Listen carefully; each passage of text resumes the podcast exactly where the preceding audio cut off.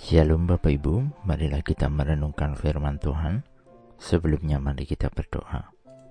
Tuhan, kami hendak merenungkan firman-Mu. Pimpinlah kami senantiasa.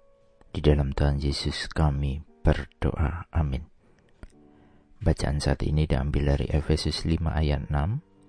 Efesus 5 ayat 6. Janganlah kamu disesatkan orang dengan kata-kata yang hampa karena hal-hal yang demikian mendatangkan murka Allah atas orang-orang durhaka. Hendaknya kita berhati-hati terhadap perilaku orang yang menyampaikan suatu kebohongan dengan sikap yang biasa.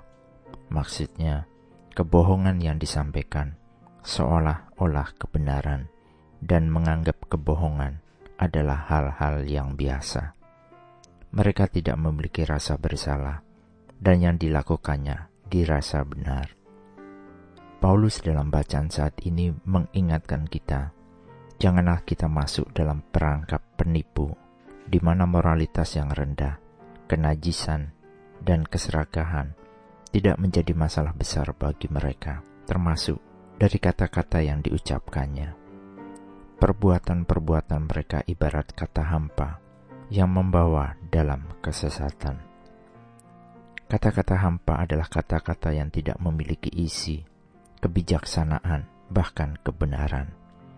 Tindakannya tidak sesuai dengan kenyataannya. Namun, kata-kata hampa ini terkadang bisa memikat orang percaya untuk mengikutinya. Ini yang menjadi permasalahannya. Paulus mengingatkan, ketika kita mengikuti kata-kata hampa, kita mendatangkan murka Allah atas kita. Kata-kata itu memiliki power, energi yang kuat. Melalui satu kata kita bisa mengubah hidup seseorang, tetapi dengan kata juga kita bisa meruntuhkan dan menyakiti orang. Setiap kita orang percaya diundang untuk menggunakan kata-kata dengan tidak sia-sia. Efesus 5 ayat 4 menuliskan, Jangan ada perkataan kotor, perkataan bodoh, atau lelucon-lelucon kasar yang tidak pantas Sebaliknya, ucapkanlah syukur. Baik kita maupun ketika kita mengikuti tindakan atau saran orang karena mengikuti apa yang dikatakannya, kita hendaknya menyadari apakah ajakan itu hanyalah kehampaan, ajakan yang menyesatkan yang membawa kita ke dalam dosa. Paulus bahkan mengingatkan di dalam Efesus 5 ayat 7. Sebab itu, janganlah berkawan dengan mereka kita hendaknya berhati-hati. Paulus bahkan mengingatkan di dalam Efesus 5 ayat 7. Sebab itu, janganlah berkawan dengan mereka.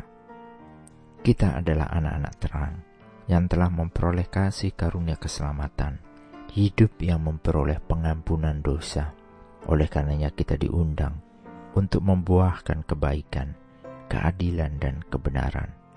Kita diundang untuk menunjukkan sisi terang dari kegelapan, supaya terang itu nampak. Hidup mengerti kehendak Tuhan dan mengucap syukur senantiasa atas segala sesuatu dan senantiasa takut akan Tuhan. Janganlah kita mudah disesatkan, bahkan menyesatkan orang dengan segala sesuatu yang hampa. Amin. Mari kita berdoa. Bapak Surgawi terima kasih bahwa kami telah dibeli dengan harga darah yang mahal dari putramu Yesus Kristus. Kami berdoa dan memohon kiranya kami dapat menjalani kehidupan ini dalam pikiran, perkataan, motif, dan perbuatan hanya untuk puji dan kemuliaan nama Tuhan saja. Kami mohon di dalam Tuhan Yesus Kristus kami berdoa. Amin. Tuhan Yesus memberkati.